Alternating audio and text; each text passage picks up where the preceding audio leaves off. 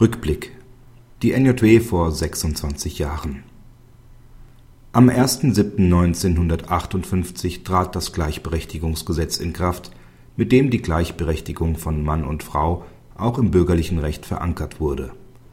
Bundesjustizministerin Brigitte Zypries sieht nach 50 Jahren Gleichberechtigungsgesetz trotz großen Fortschritts in Sachen Gleichberechtigung weiteren Handlungsbedarf. Probleme mit der Vereinbarkeit von Beruf und Familie hätten nach wie vor die Mütter.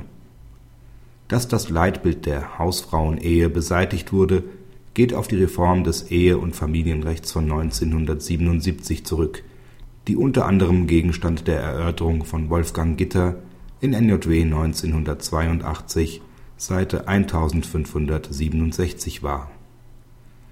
In seinem Bericht über die Diskussionsrunde zur Gleichberechtigung der Frau anlässlich des 54. Deutschen Juristentags erklärt er nachvollziehbar, wann tatsächliche Gleichberechtigung erreicht ist.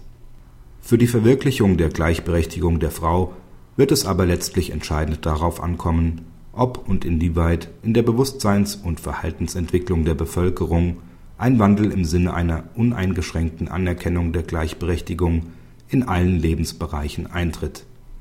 Abzuwarten bleibt, wann sich diese beschriebene Bewusstseins und Verhaltensentwicklung endgültig auch auf dem Arbeitsmarkt durchsetzen wird